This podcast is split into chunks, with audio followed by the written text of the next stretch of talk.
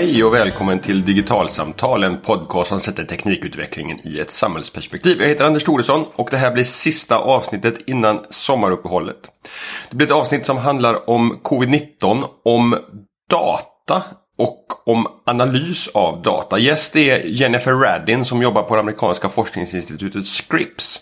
Och hon kommer berätta om hur de jobbar med data från aktivitetsarmband eh, och smarta klockor för att kunna identifiera och hitta lokala utbrott utav infektioner och sjukdomar som exempelvis covid-19. Eh, avsnittet är på engelska och inleds med att Jennifer berättar om en liknande studie som de publicerade tidigare i vintras. Yeah, so maybe it'll be helpful to give a quick background on the paper that came out in January in Lancet Digital Health. So that study, um, we looked at um, um, population of Fitbit users who wore their device consistently for two years. And um, what we found was if we identify each individual's kind of average or normal, we were able to identify weeks where individuals had an elevated resting heart rate and sleep above a threshold. And the proportion of Fitbit users each week who had this kind of abnormal data was um, a very uh, useful for predictor for improving our models for identifying influenza like illness activity at the state level. Um, we are looking in the United States. And um, so this is really exciting because um, in most countries, including the US, um, traditional data streams for um, viral illness are often delayed by one to three weeks.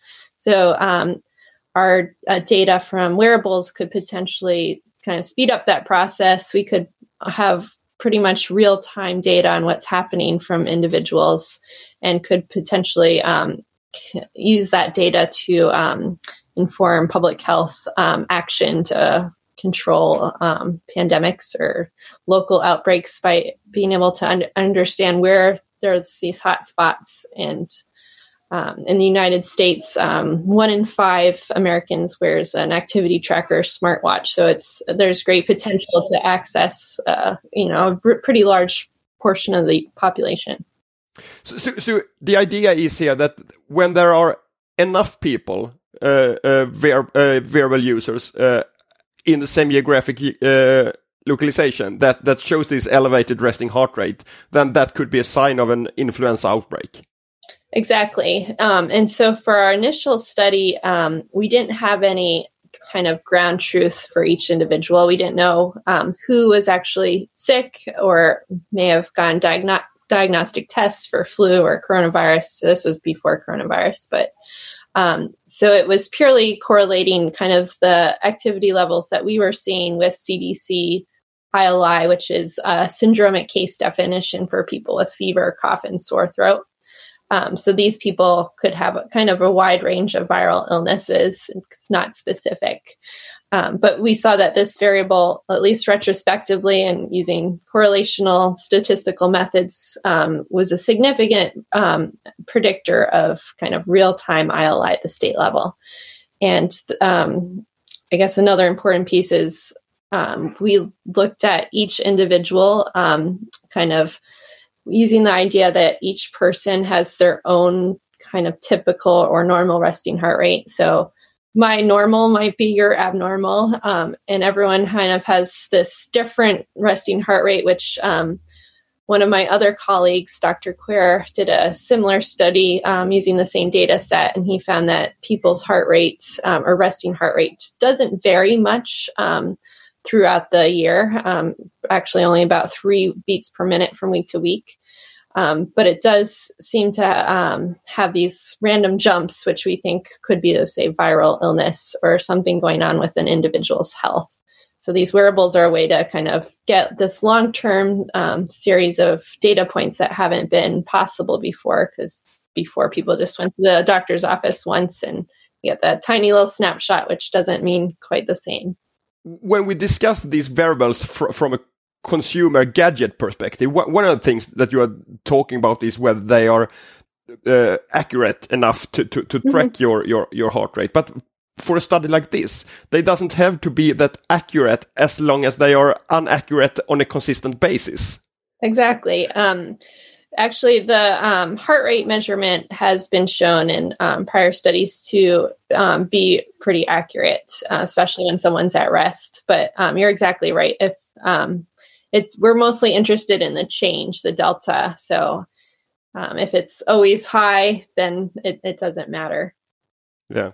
Uh, so you obviously uh, use the, the heart rate data, and and you know something about uh, where the individuals lives, so, so, you can do the geographical cor correlations. Do you need any other kind of data to do a study like this?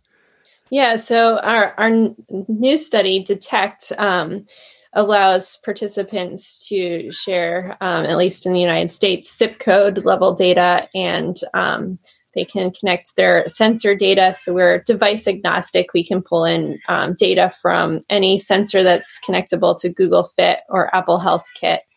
And um, we also have participants self report symptoms that they may experience, diagnostic tests they may receive for flu or coronavirus, and they can actually also connect to their electronic health records. So um, participants actually have the option to share as much or as little of that as they would like. Um, there's it's a research app, so there's an e-consent, um, and yeah. yeah. But but but but at the base level, you you need uh, the the zip code and and the heart rate data. Um. So right now we're yeah we we're collecting zip code for the prior study that I did in Lancet. I only had state level information. Um, certainly, um, the more geographic um, sp- geographically specific we get, um, the better I think the um, information that we are collecting will be useful for public health officials to identify kind of where the geographic hotspots are. Um, but um, even the United States um, surveillance for infectious diseases isn't typically very specific. Um, yeah. A lot of the data, I mean, you'll be lucky to get city or county level data. Yeah. Um, how do you analyze the data? Is it just tracking uh, the variations in the heart rate, or, or is it more complicated than that?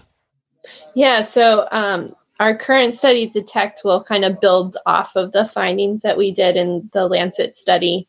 Um, for the Lancet study, we just had heart resting heart rate and sleep. Um, for the detect study, we have activity data as well, and um, any other um, measurements that an individual may enter into, say, HealthKit or Google Fit. So if they have a connected blood pressure cuff or a scale or a thermometer, they that data is also aggregated in HealthKit, and we can pull that into our study. So I think all these additional data streams, which um, are growing, even new sensors that are getting added into wearables, um, will further improve our models as time goes on. Uh, is this a kind of study that's of more interest to you as researchers, or, or in, the end, will it be used in real time? You think by by public healthcare uh, to, to to make decisions? Yeah, that's um, that's our goal. we yeah, um, I so we're we're hopeful that we will find kind of the same findings we did retrospectively um, in our first study, um, or hopeful that we can um, that those will carry over to a COVID world um, yeah. and just feel useful for tracking viral illness. Um, we think it may be slightly hard to differentiate, say, coronavirus from a flu just based on your wearable data, but when we combine that information with symptoms that you start experiencing, that might further improve our ability to differentiate different things. But it is a research study, so we have to go through the process of proving it. Yeah. Um, but yeah, we think that this platform, if it, we find the same things as we did retrospectively, could be a really useful platform for public health officials to identify kind of hotspots in real time and help um, kind of complement traditional surveillance data streams that they're um, collecting. Yeah, but but is that the main difference uh, as well between the two studies that the, the, the, earlier one was retrospective while this is on, on, on real time changes yeah so the first one was um, just a two year data set from 2016 to 2018 um, this current one we're enrolling people now um, into the future we hope this to be a long term research study um, and also a kind of a long term platform where we can gather data from we're hoping hundreds of thousands, if not millions, of people. So we can um, create this a platform that will be useful for even tracking seasonal flu in years to come. Yeah. Uh, what are the scientific and technic technological challenges when, when you do a study like this? What what what what are the, the hurdles that you are battling with? Yeah. Um, so one is um, since we're device agnostic, all these different devices kind of have a slightly different resting heart rate calculation, which is yeah. proprietary to them, and we're going to have to figure out kind of how that works in our models. Um, I guess the other challenge is creating a platform. We want this um, research app, which you can access by downloading My Data Helps. Um, right now, it's only available in the US, but we're trying to expand it to other countries as well. But um, creating a research app that is engaging and not um, kind of too time consuming for participants. We want them to share their data um, through their wearables and it kind of we collect it in the background and then we want it to be engaging so they remember to come back and share if they get sick, um, share any diagnostic tests that they receive, and hopefully create something that they will learn from. So they'll learn kind of what their individual typical values are, kind of how their data changes when they get sick. So, so you build some kind of sti- you build some kind of stickiness in, in into the app from from from the end user perspective, so they are yeah yeah, continuing yep. feeding you with data. Yeah. Yep. So we're trying to continually in, improve our, our research app. It's really in kind of the version 1.0 right now, but um, as we gather more data, we really need to continually improve it to make it really engaging for participants and users. Yeah. Uh, what what about privacy? I mean, I mean, around all the contact tracing applications that are being discussed. Yeah, we're not doing contact tracing. Um, so our app is it's a research study, so participants have to go through a con- e-consent um, before they join the study. Um, they also, as I said earlier, can share as much or as little data as they want. So if they don't feel comfortable sharing, say, zip code, they they don't have to. Um, they um, they don't want to share the electronic health records. They can choose which pieces they want to share and are comfortable sharing. Um, and we take privacy really seriously. So the data is de-identified. We um, have a big privacy um, document at the beginning of the research app, which outlines all the particulars that um, we do to protect everyone's data. Are you seeing a concern uh, about uh, about these issues fr fr from the end users that they would like to, to participate but are, are, are hesitant to do so because of, of the data they share? Yeah, I think the major um, kind of confusion maybe as people think that maybe our research app is somehow connected to contact tracing and i think there's a lot more concern over that type of sharing um, where you're looking at um, where your day-to-day movements who you're coming into contact with. Um, but our I, other when people understand that it's mostly just sharing your day-to-day wearable data and you have the option to share as the other pieces as you feel feel comfortable we haven't really gotten too much concern. Okay. Um, I think Scripps, we've also done um, many um, kind of online research studies like this in the past. So I think there's some kind of trust built in um, with Scripps research that people understand that we've done this before and we know what we're doing. yeah. Uh, what I find uh, particularly interesting with, with research like this is that it's using data that's already there uh, and already being collected on, on the end user's devices, but uh, why, when aggregating them, it, it, can be tell tell a bigger story. Uh, are there other data streams like this that you think could be of interest in research on epidemics, for for instance, that that you that we haven't thought about yet, but but can can in, in years to come be, become obvious that we can use that kind of already existing data for, for analysis like this as well. Yeah. Well, I think um, these sensors and smartphones are continually getting, um, you know, new metrics that they're adding. So pulse ox and temperature are going to probably be in um, wearable watches soon. Um, there's continuous blood pressure watch that um, I think is FDA approved. Okay. There's um, cough recognition apps so i can see in the future that that could be incorporated into your smartwatch that you're coughing and it's analyzing what the cough sounds like. So I think all these different things will help us kind of improve our um, ability to identify which individuals actually are sick and potentially kind of what virus they have, although that's um, more challenging. Um, and so I think this is just it's going to improve over time as the as the wearables um, improve. And, and, what you already touched on uh, is that instead of just having a, a, a few data points from where people visit their doctors, you, you have a continuous stream uh, about this this baseline data from mm -hmm. them, which also makes it possible to to, tra to track them over time.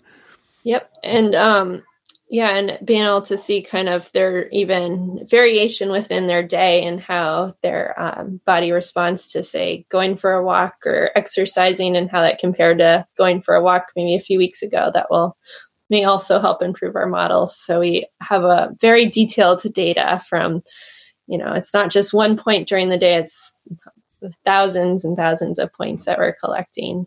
And then when you combine that with um, changes in step count, so if you get sick, you're likely to lay in bed and you might not be as active. Um, your sleep, you might wake up a lot. So sleep quantity and quality, we can also look at that. Um, so I think, yeah, there's it's a very detailed and um, kind of a new data stream that we haven't really had until these wearable devices came out. What what are the benefits you think in in the long term that that the, the public society can, can can get from analysis like the ones you are, are researching now? Mm -hmm. Yeah, so um, we kind of have two goals for our study. We want to see um, if we can identify kind of subtle changes in your wearable data that may indicate that you're getting sick even before symptoms start appearing. So there's been some studies that have shown that your resting heart rate is kind of this early warning signal and that might start changing actually even before you develop a fever. So for coronavirus, that's really useful if if that's the case because um, of this pre-symptomatic period where you're actually pretty infectious and can share it with many other people. Um, so I think combining um, potential signals that we're seeing with improved, more rapid diagnostic tests could um, help control the outbreak potentially.